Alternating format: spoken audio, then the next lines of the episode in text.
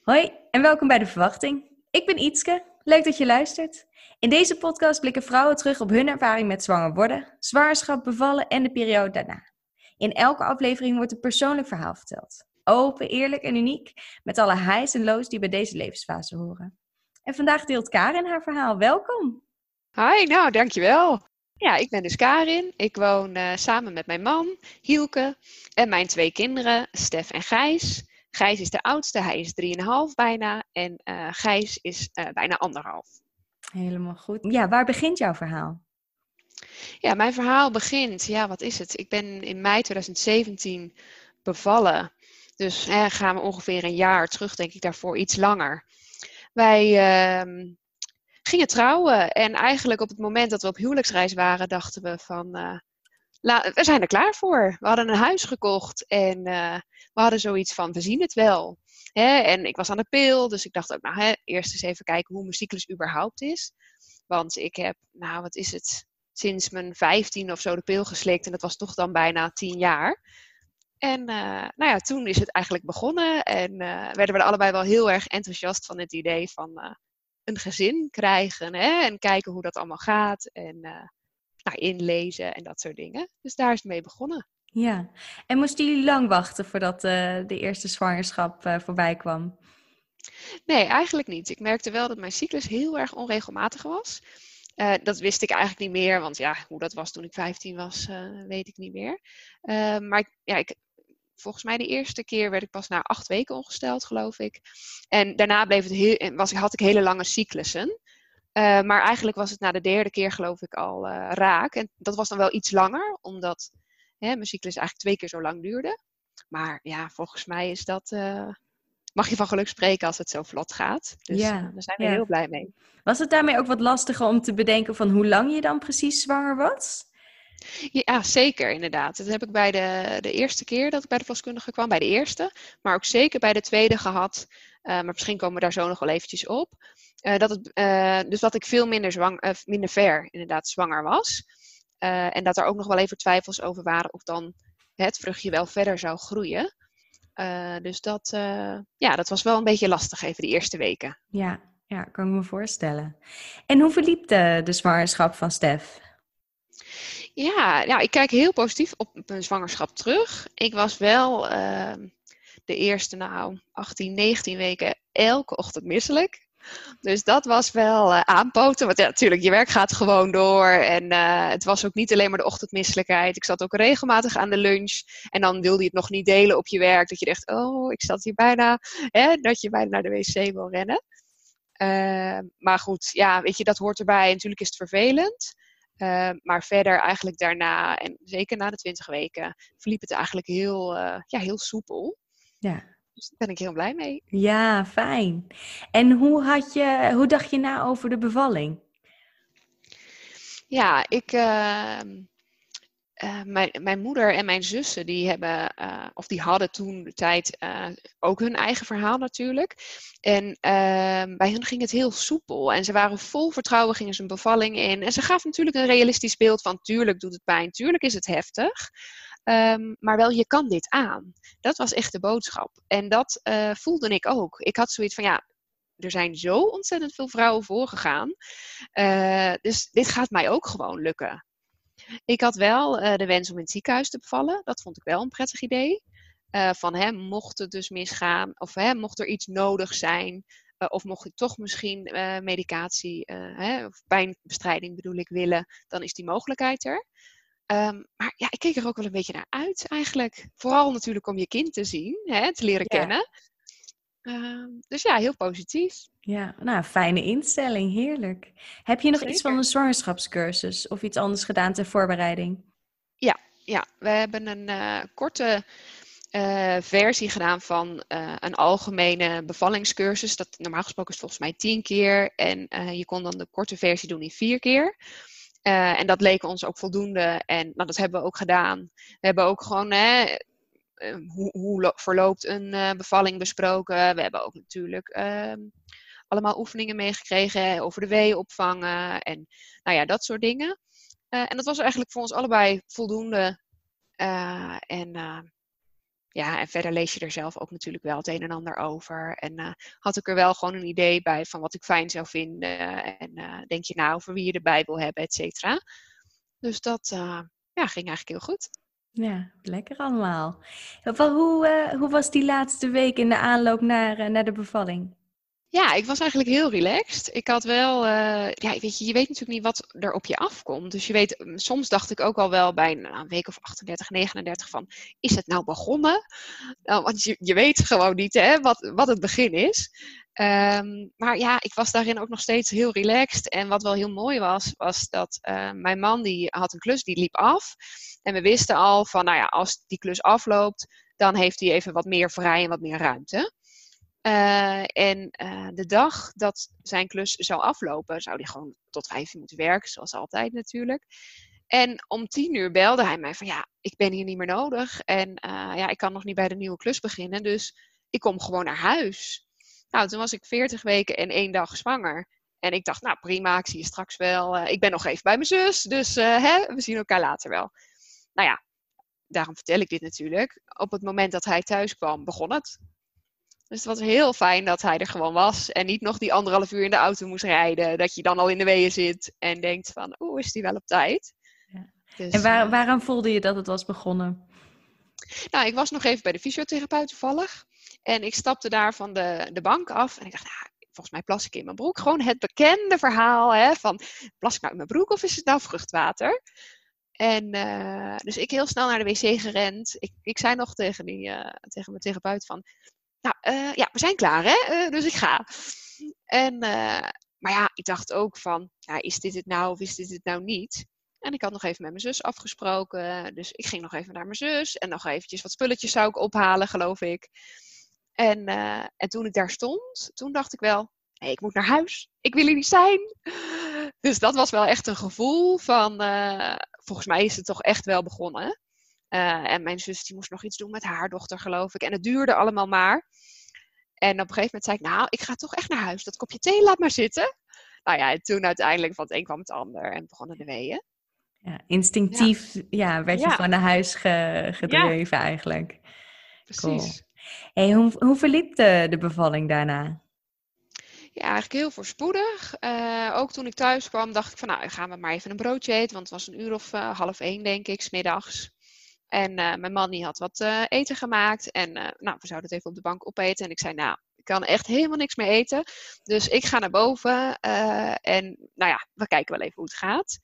En eigenlijk heel snel daarna dacht ik al, dit is echt serieus. ze kwamen echt wel, ik weet niet of we toen al aan het timen waren. Maar voor mijn gevoel was het binnen de twee minuten waren er weeën. En ik vond ze echt ook best wel pittig.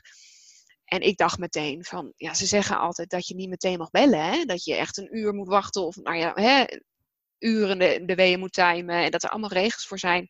Maar ik dacht alleen maar, kom maar gewoon nu. En uh, nou, er was ook een verloskundige die uh, net nieuw was. Dus ik had het toevallig één keertje gezien. Maar nou ja, die zou komen. En uh, ze zei van, nou, dan gaan we natuurlijk even kijken hoe ver je bent. Hè, om te bepalen wat we gaan doen. En of je, hè, als je naar het ziekenhuis wil, of we dan al kunnen gaan. Nou ja, puntje bij paaltje uh, 4 centimeter. We gaan direct naar het ziekenhuis. Want het is eigenlijk net begonnen en je hebt 4 centimeter. Dus voor hetzelfde geld ben je hè, over twee uur bevallen.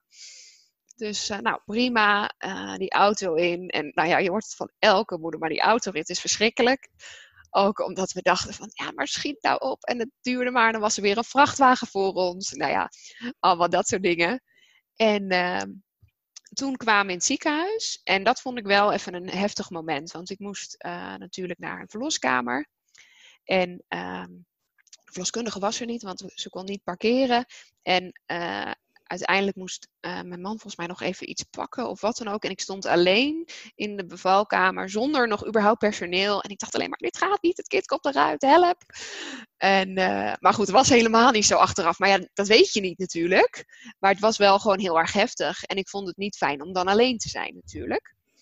Um, nou ja, en toen zei ze van, nou ga maar weer gauw liggen. Want inderdaad, misschien komt hij er wel aan. En toen was het wel eventjes een domper, want ik had nog steeds 4 centimeter. En uh, ik dacht van, nou, wat is er dan gebeurd in die afgelopen anderhalf uur? Um, maar goed, nou, dan zeggen ze ook, hè, van het kan wel even stilstaan. En zeker als je dan zo'n autorit hebt gehad. En nou, we gaan gewoon weer door. Nou, en toen ging het volle bak weeënstorm. Het was echt, ik kon niet meer liggen staan. Het was echt verschrikkelijk. En ook zo'n typisch moment van, en geef me een ruggenprik, ik kan niet meer. En uh, dat soort uh, praktijken. En de verloskundige die nog zei van, je gaat hartstikke goed en hou vol en blijf rustig. En ik dacht alleen maar, blijf rustig. Hallo, jij ligt hier niet te bevallen. Dus, uh, nou ja, toch gezegd van, ik wil toch heel graag een ruggenprik. Nou, toen zei ze ook even, dat duurt natuurlijk eventjes. hè, dat kan wel een uurtje duren voordat de anesthesist er is. Ik zei, ja, best joh regel het maar. En toen heb ik eigenlijk wel achteraf gezien wel een heel mooi uur gehad. Want ik zat volledig in de weeënstorm. Uh, Hielke, mijn man, die uh, zat helemaal met me mee. En we waren aan het puffen en aan het doen. En nou ja, dat ging uiteindelijk heel goed. En de anesthesist die kwam en die zei van... Uh, nou, je moet wel even checken hoe ver je bent, hè, of het nog kan. En toen zei ze van, nou, ga maar persen. Want je hebt bijna volledige ontsluiting. Dus dat was een hele fijne mededeling natuurlijk. Um, en, uh, maar, maar goed, toen was het nog niet voorbij. Want ik heb uiteindelijk uh, bijna twee uur moeten persen. Uh, dus het was heel, heel erg met ups en downs. Hè. Ik heb hele fijne momenten gehad en dat ik dacht, nou, is dit het? En ik heb ook echt wel een paar momenten gehad dat ik dacht, nou, dit trek ik niet meer. zo ook de persfase. Ja, het begon eigenlijk als een makkie. Heerlijk, je mag meeduwen en hè, je hoeft je niet meer te verzetten tegen de weeën. Ehm, maar goed, daarna uh, bleef het, ja, het kindje, Stef dus, eigenlijk uh, een beetje steken. En zeiden ze op een gegeven moment ook wel na, denk ik, vijf kwartier of zo, van ja, er moet nu wel een beetje vaart in komen, want hè, anders duurt het te lang. Nou ja, dat is natuurlijk geen fijne mededeling, dus krijg je ook een beetje stress van. Dus ik moest ook op een bepaalde manier gaan persen en meer persen tijdens bepaalde weeën. En nou, dat was heel zwaar. En toen kreeg ik ook enorm last van mijn stuit. Uh, daar heb ik ook nog steeds last van. Dus het is echt wel, uh, nou ja, blijkbaar hè, op het punt dat net het kindje onder het bekken door moet. Of hoe het precies zit, weet ik niet. Maar uh, ja, heeft het, heeft, daar te lang gezeten, waardoor het bij mij heel veel pijn deed. Maar eigenlijk daarna, hè, op een gegeven moment zie je een beetje de angst in de ogen van een uh, verloskundige. En dan ga je zelf ook wel een beetje twijfelen. Maar op een gegeven moment zei ze van, nou, het hoofdje staat, weet je, nu weten we, hij is het hoekje om en het komt goed. En ja, weet je, op een gegeven moment is het nog één pers en dan ligt hij op je borst en dan, ja, vergeet je alles, hè? Is ook zo cliché, maar toch heel erg waar. Um, ja, en dan uh, denk je, hè, heb je een hele ontlading en ben je vooral bezig met je kindje en uh, heb je geen idee wat er verder gebeurt en uh, hoor je de artsen wel een beetje, of de verloskundige en de kraamverzorgster wel een beetje met elkaar praten. En op een gegeven moment toen zei ze van, Um, ja, we moeten toch ingrijpen. We moeten toch uh, het ziekenhuispersoneel erbij halen, want je verliest veel te veel bloed. Uh, het blijft stromen. En ik voelde ook wel gutsen uit mijn lijf komen. Maar ja, wist ik veel. Ik dacht dat dat erbij hoorde, want ja. Was, was je placenta toen al uh, eruit of nog niet? Nee, volgens mij niet. Volgens mij niet. Maar dat heb ik ook niet helemaal meegekregen, moet ik eerlijk zeggen. Of misschien wel. Nou, nou ja, je hoort het. Ik weet het even niet meer. Um, maar in ieder geval, op een gegeven moment, uh, ik weet nog wel dat ze wat moeite moesten doen om de placenta eruit te krijgen. Dus ze duwde ook op mijn buik. En toen kwamen er ook weer echt golven bloed mee. Uh, en nogmaals, ik dacht dat dat erbij hoorde. Uh, maar goed, toen drukte ze dus op de knop. En dan is het wel echt even hectisch. want er kwamen zes man met witte hè, pakken natuurlijk gewoon er binnen. En Stef werd van me afgetrokken werkelijk. Uh, en ze stonden allemaal met elkaar te praten en te doen en te kijken naar uh, het, scherm. En ik kreeg een infuus en nou weet ik het wat allemaal. Maar goed, ik vroeg wel aan de gynaecoloog die naast mij stond van, is dit echt zo ernstig? Dat was het eerste wat ik vroeg. Uh, omdat ik geen idee had van wat er aan de hand was. Nou ja, en hij was heel relaxed en hij zei ook van ja, je verliest inderdaad te veel bloed, maar dat gaan we oplossen. Dus het komt goed. Uh, en eigenlijk, nou ja, denk ik tien minuten later of zo was het al onder controle. En hoefde ik ook gelukkig verder niks. Uh, ik had geen extra bloed nodig of iets. En was eigenlijk de rust weer wedergekeerd. Dus natuurlijk wel een spannend moment. Maar nogmaals, we kijken heel positief terug op mijn bevalling. Ja. En, uh, Hoe heeft ja. je man dat ervaren? Dat het dan even toch allemaal iets anders liep dan jullie hadden gehoopt? Ja, dat uh, hoorde ik achteraf natuurlijk later wel. Dat, hij vond het best wel spannend. Want hij zag natuurlijk wel zijn vrouw liggen. al die mensen eromheen en, en dit en dit en dit. die heel snel natuurlijk al die dingen moeten regelen. en hij kreeg zomaar opeens plompt zijn zoon in zijn armen gedrukt. En er was totaal geen enkele aandacht voor hem. En dat, ja, dat hoeft ook niet per se natuurlijk. Maar ja, dat was, hij zat er echt een beetje verloren bij. Zo van, oh ja, ik ben net vader geworden, maar, maar gaat het wel goed met mijn vrouw? Natuurlijk. Dus dat was zeker even spannend. Maar omdat het ook gelukkig zo'n kort moment was en snel duidelijkheid kwam. En nou ja, gelukkig dus relatief weinig aan de hand was. Uh, was het ook snel weer rustig, gelukkig. Dus dat was wel fijn. Oh, nou fijn. Nou, ik kan me zeker voorstellen dat dat voor Hielke toch even iets, uh, iets anders was. En dat je toch op een andere manier meekrijgt om er zo naast te staan. Uh, en ja. inderdaad, wat je zegt, je vrouw zo te zien uh, met allemaal artsen eromheen. Ja. Nou ja, en dat vind ik wel het, het enige jammere aan hoe het gelopen is, is dat op het moment dat Stef werd gewogen en werd gecheckt en werd aangekleed, dat heb ik dus allemaal niet meegekregen, want toen waren ze met mij bezig. Uh, en dat vind ik wel heel jammer, want ja, dat is natuurlijk een heel ja, leuk, belangrijk onderdeel van, uh, uh, ja, van dat je kind geboren is en dat je hem kan zien. En, nou ja, en dat je gewoon benieuwd bent van wat doen ze met mijn kind, zeg maar. Ja. maar goed, ja, weet je, dat liep natuurlijk zo. Ehm, en er zijn dan ook geen foto's van. Dus dat vind ik ook wel heel jammer. Uh, dat, ja, dat is gewoon een stukje, dat weet ik gewoon niet. Nee. nee. Maar goed. En um, moest je lang in het ziekenhuis blijven? Nee, achteraf. Uh, ik ben toen um, uiteindelijk, hoe laat was ik ook weer bevallen? Uh, half zeven, iets na half zeven. en omdat het dus wat een nasleep had, zijn we uiteindelijk wel een nachtje mochten we in het ziekenhuis blijven. Ook vooral gewoon ehm, omdat het fijn was, omdat het net bevallen was en er dus uh, hè, toch complicaties waren opgetreden. Want ja, zo noemen ze dat natuurlijk. Um, en ik moest nog wat langer aan het infuus zitten. Gewoon ook voor de zekerheid. Dus, uh, maar de volgende ochtend mochten we eigenlijk al best wel snel naar huis. Dus dat was heel fijn. Ja. En had je nagedacht of je borstvoeding zou willen geven of niet? Ja, ik was helemaal pro-borstvoeding. Of ben nog steeds pro-borstvoeding. Uh, ja, ik vind dat zo'n magisch iets dat gewoon jouw lichaam dat kan geven. Hè? Hè? Als het lukt natuurlijk. Maar goed, dat, dat je in principe als vrouw daarvoor gemaakt bent. Uh, dat ik het heel graag een kans wilde geven. Ik had wel zoiets van, weet je, als het het niet is of als het mij te veel gaat kosten. Want ik heb ook veel ervaringen in mijn omgeving gehoord van, ja, weet je, het moet niet ten koste van alles gaan. En zeker niet ten koste van jezelf. Um, want ik wil ook van die eerste periode wilde ik natuurlijk volop genieten en dan niet alleen maar in de struggle zitten. Um, en nou, het ging eigenlijk heel erg goed. Zelfs zo dat ik na dag drie, geloof ik, al overproductie had. En uh, ook onze zoon Stef al uh, enorm groeide. Nou, alleen maar heel positief natuurlijk. Um, dus, uh, maar goed, dat, ik had wel zulke um, overproductie dat, ik, uh, dat er wel echt gevaar was voor een borstontsteking, een dubbele borstontsteking. En dat ik elke keer de voedingen, nou ja, gewoon bijna niet trok om daar drie uur tussen te laten. Want, nou ja, dat zeg maar. Um, maar ja, weet je, dat, ja, liever te veel denk ik dan maar, dan te weinig. Terwijl um, ik dat ook wel een beetje van tevoren heb onderschat. Want gewoon de hele zwangerschaps- of uh, borstvoedingsperiode heb ik overproductie gehad. En zelfs als dan Stef doorsliep, moest ik s'nachts kolven. Omdat ik gewoon echt niet uh, ja, het trok van de pijn en van de bulten die dan in je borst ontstaan. Waar natuurlijk dan borstontsteking uh, door kan komen. Dus dat was ook wel pittig. Um, maar dat ik het heb kunnen geven, dat uh, ja, is heel mooi. En daar ben ik heel blij mee.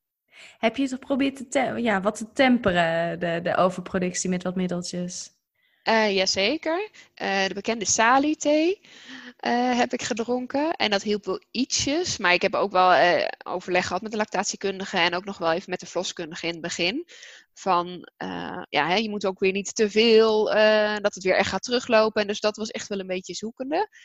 Um, maar ik heb er ook vooral voor gekozen om uh, het een beetje te gebruiken. In die zin van om dus af en toe wat te kolven en dus ook al een voorraadje op te kunnen bouwen in de vriezer. Dus, uh, maar goed, daar, dat is de andere kant natuurlijk. Want je houdt het wel weer in stand door extra te kolven. Maar goed, het was, was elke keer weer zoeken. Wat doe ik? Van hè, even op mijn tanden bijten uh, en wat langer doorgaan. Of toch wel kolven. ja, ook om dus die borstontsteking tegen te gaan. Ja. Ja. En hoe voelde je die eerste weken als moeder? Ja, ik was helemaal happy, maar ik was ook wel een beetje van de kaart. Ik uh, merkte ook, om een voorbeeld te geven, ik denk de derde dag. Uh, Stef lag altijd bij mij te slapen als ik ook smiddags even ging rusten.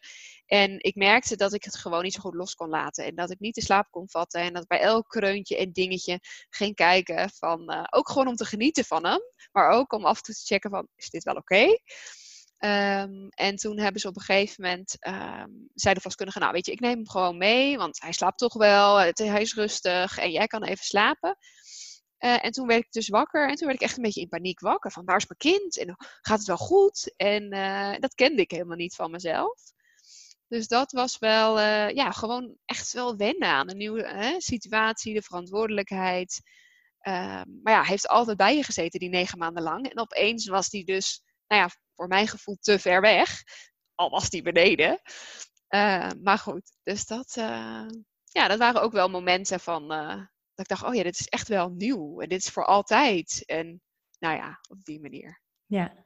En voordat de opnames begonnen, hadden we het even over dat je cerebrale parese hebt en dat dat vooral mhm. eigenlijk invloed heeft op je energie. Wil je daar wat over vertellen? Ja, tuurlijk.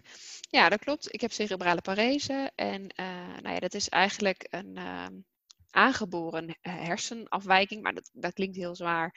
Um, wat het voor mij in ieder geval voor effect heeft, is uh, dat de aansturing vanuit mijn hersenen niet helemaal goed verloopt. Waardoor ik soms overgestimuleerd word of ondergestimuleerd. En dat betekent voor mij eigenlijk dat mijn lichaam veel meer te voortduren heeft dan nodig is. Waardoor ik sneller moe word. Um, en ja, dat was natuurlijk best wel, dat vond ik best wel spannend na aanloop van hè, hoe gaat dan een zwangerschap, hoe gaat een bevalling uh, en ook hoe gaat natuurlijk de periode daarna gewoon met een kind. Um, en ik merkte bij mezelf, kijk, het is natuurlijk lastig, want ik kan het nooit vergelijken met hoe het was als ik dit niet had. Want ja, dat bestaat niet. Um, en maar ik merkte vooral de eerste periode dat ik wel gewoon heel erg moe was. En dat ik heel veel moest bijkomen. En dat ik dat ook soms wel een struggle vond. Want ik wilde gewoon hè, met mijn kind zijn. Gewoon de normale dingen weer een beetje oppakken na een paar maanden. En ook richting uh, het einde van mijn verlof. Ja, ik ga toch wel gewoon weer werken. Uh, dus dat heb ik wel gemerkt. Um, alleen, ik vraag me af of het... Um, nou ja, echt daaraan te wijten is. Of dat het gewoon is, je bent nieuw moeder. Het is hè, een hele bevalling op zich is al uh, een hele aanslag op je lijf natuurlijk. En dat je daarvan moet herstellen. En dus ja, ik kijk er eigenlijk heel positief op terug. En ben eerder positief verrast dan dat het me is tegengevallen. Ja, ja echt super fijn natuurlijk. Zeker. Absoluut. En op wat moment dachten jullie nou, een, een tweede zou welkom zijn? Of uh, kwam hij als een verrassing? Nee, nee, we hebben heel bewust uh, naar elkaar uitgesproken van, uh, nou, we zouden het heel leuk vinden als ons gezin wordt uitgebreid. Uh, en ook als het leeftijdsverschil niet zo heel erg groot is. we hadden wel nog continu slapeloze nachten. we sliepen geen enkele dag door en het was echt, nou ja, we sliepen minder dan wel. Of hoe zeg je dat? We waren meer wakker dan we sliepen. Um, maar we hadden zoiets van, ja, weet je, of je nou nog een jaar wacht of twee, je weet toch niet hoe het loopt. Uh, ook met het slapen en überhaupt of het lukt natuurlijk hè, om zwanger te raken. Um, dus wij hadden zoiets van, ja, wat was het? Ik denk net rond de eerste verjaardag, iets daarvoor van Stef, hadden we zoiets van, uh, nou, we gaan er weer voor. En uh, het was ook weer, ik, was, ik gaf borstvoeding tot een maand of acht, geloof ik. Uh, en op een gegeven moment werd mijn cyclus weer wat normaler. En uh, dachten we, nou, we gaan het wel gewoon zien. En uh, opnieuw weer eigenlijk heel snel zwanger geraakt. Denk weer nou, drie keer, geloof ik, drie cyclussen. En nou ja, toen begon weer de misselijkheid, weer opnieuw. maar goed, weet je, dat neem je allemaal voor lief. En toen nou ja, verliep het eigenlijk ook heel, heel voorspoedig. Um, de, zeker de eerste maanden. En uh, wat ik al wel even zei uh, eerder, uh, was dat ik natuurlijk toen dat moment had van dat ik naar de verloskundige ging met acht weken. En dat ze toen aangaven, gaven van, oh, dit vruchtje ziet eruit als een vruchtje van zes weken. dit kan twee dingen betekenen. Dus of hè, je bent minder ver zwanger, dat zou kunnen. maar er is ook een hele grote kans dat het toch eindigt in een miskraam en dat het nu aan het stoppen is met groeien, zeg maar. En dat het daarom is achtergebleven op schema, zeg maar. En toen gingen we net op vakantie. Dus dat was wel echt een hele pittige week. Want we moesten sowieso ruim een week wachten om nog weer een keer een echo te doen. Om dan te kijken of de groei natuurlijk verder was. En nou ja, gelukkig was het dus verder gegroeid. En was ik nog steeds niet ver zwanger. Maar was het wel ten opzichte van de vorige keer verbeterd. Ja. Dus uh, was een hele opluchting. Nou, wel absoluut even een spannend moment inderdaad. Zeker, zeker. Ja. En we hebben ook bij de 20 weken echo, dat was dan wel weer bij Stef, dus bij de eerste, uh, kregen we ook een doorverwijzing naar het ziekenhuis. Uh, omdat de, hij een te groot hoofd zou hebben. Hij zou volledig buiten de curve vallen. Uh, en dat kon toch allemaal dingen wel betekenen, maar misschien ook niks. Nou ja, dat was ook weer zo'n anderhalve week uh, vol spanning. Omdat ze, ja, dan hebben ze toch wel over bepaalde afwijkingen. En uh, of het wel goed is. En of de verhoudingen dan wel kloppen van het kindje.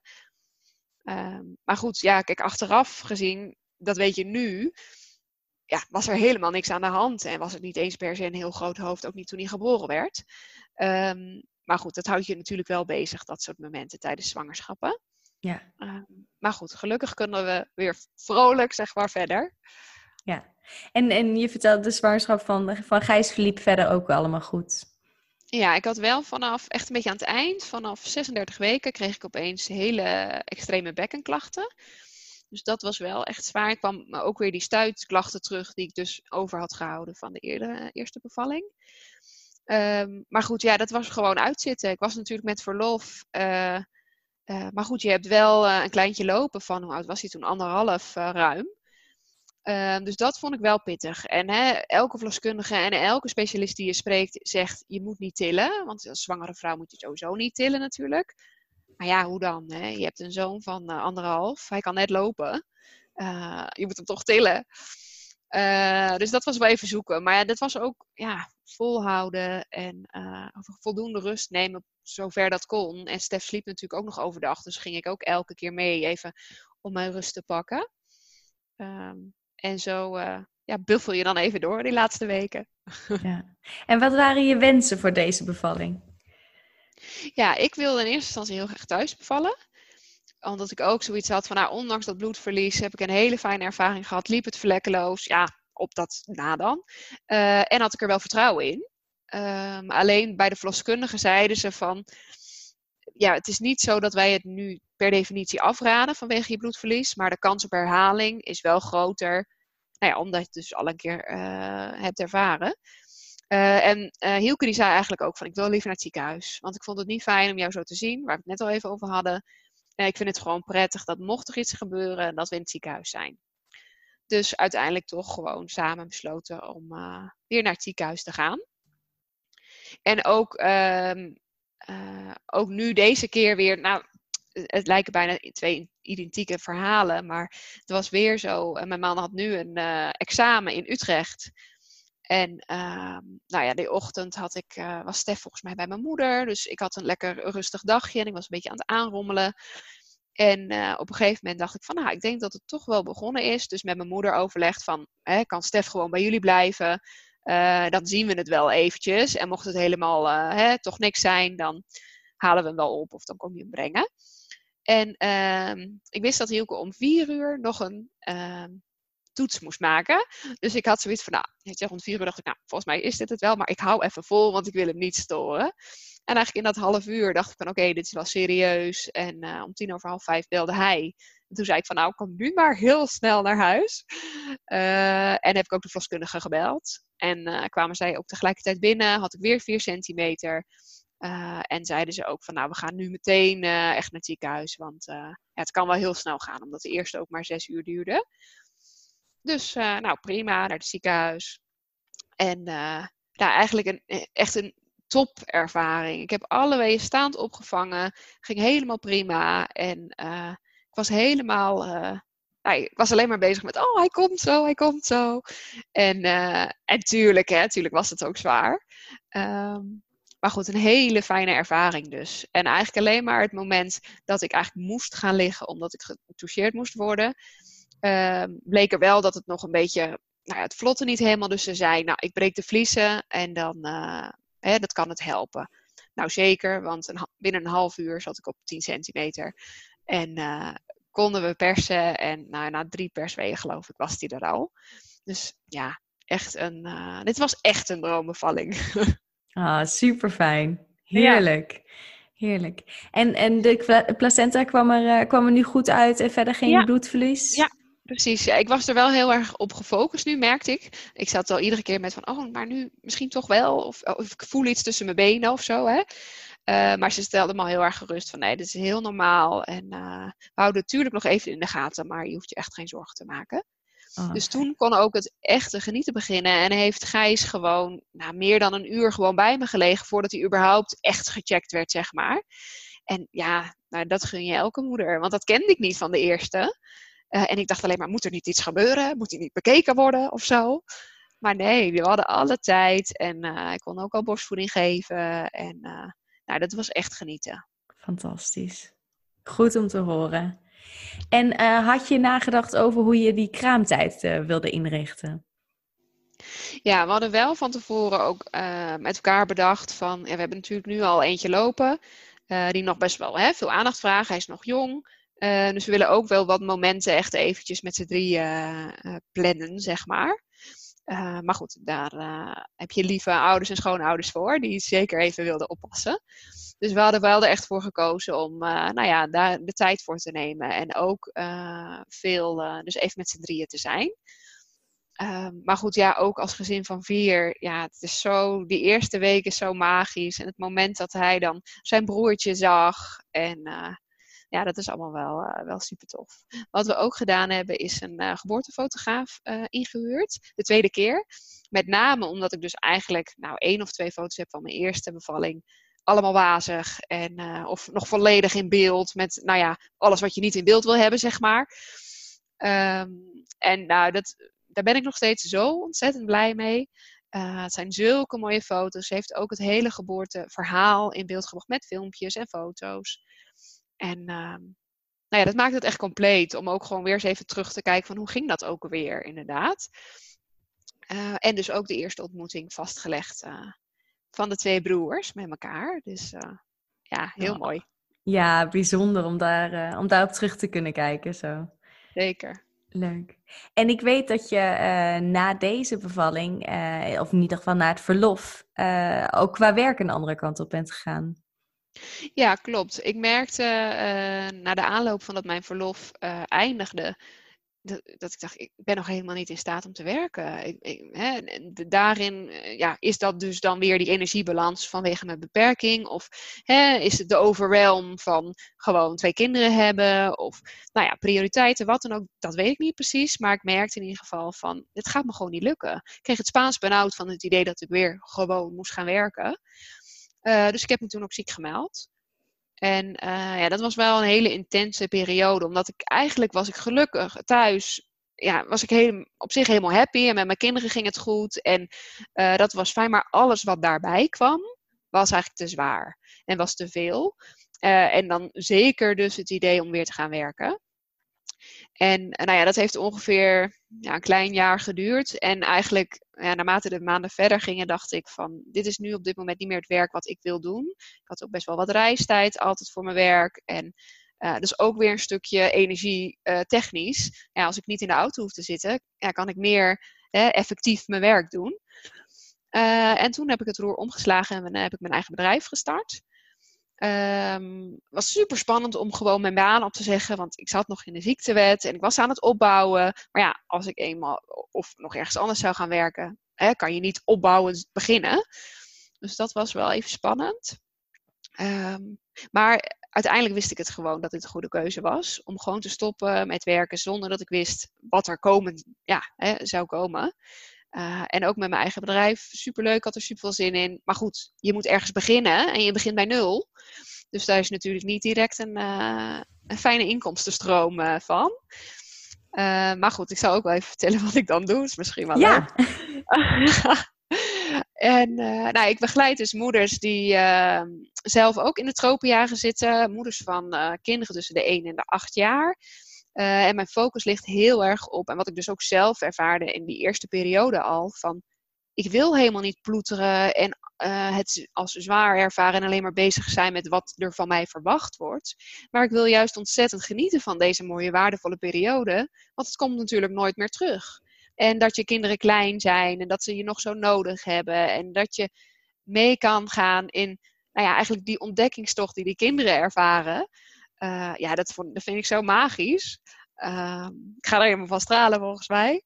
Uh, en dat wilde ik heel graag andere moeders ook meegeven. Van, hè, tuurlijk is het ook pittig, hè? Een, jong kind of meerdere kinderen in alle combinaties die je moet maken.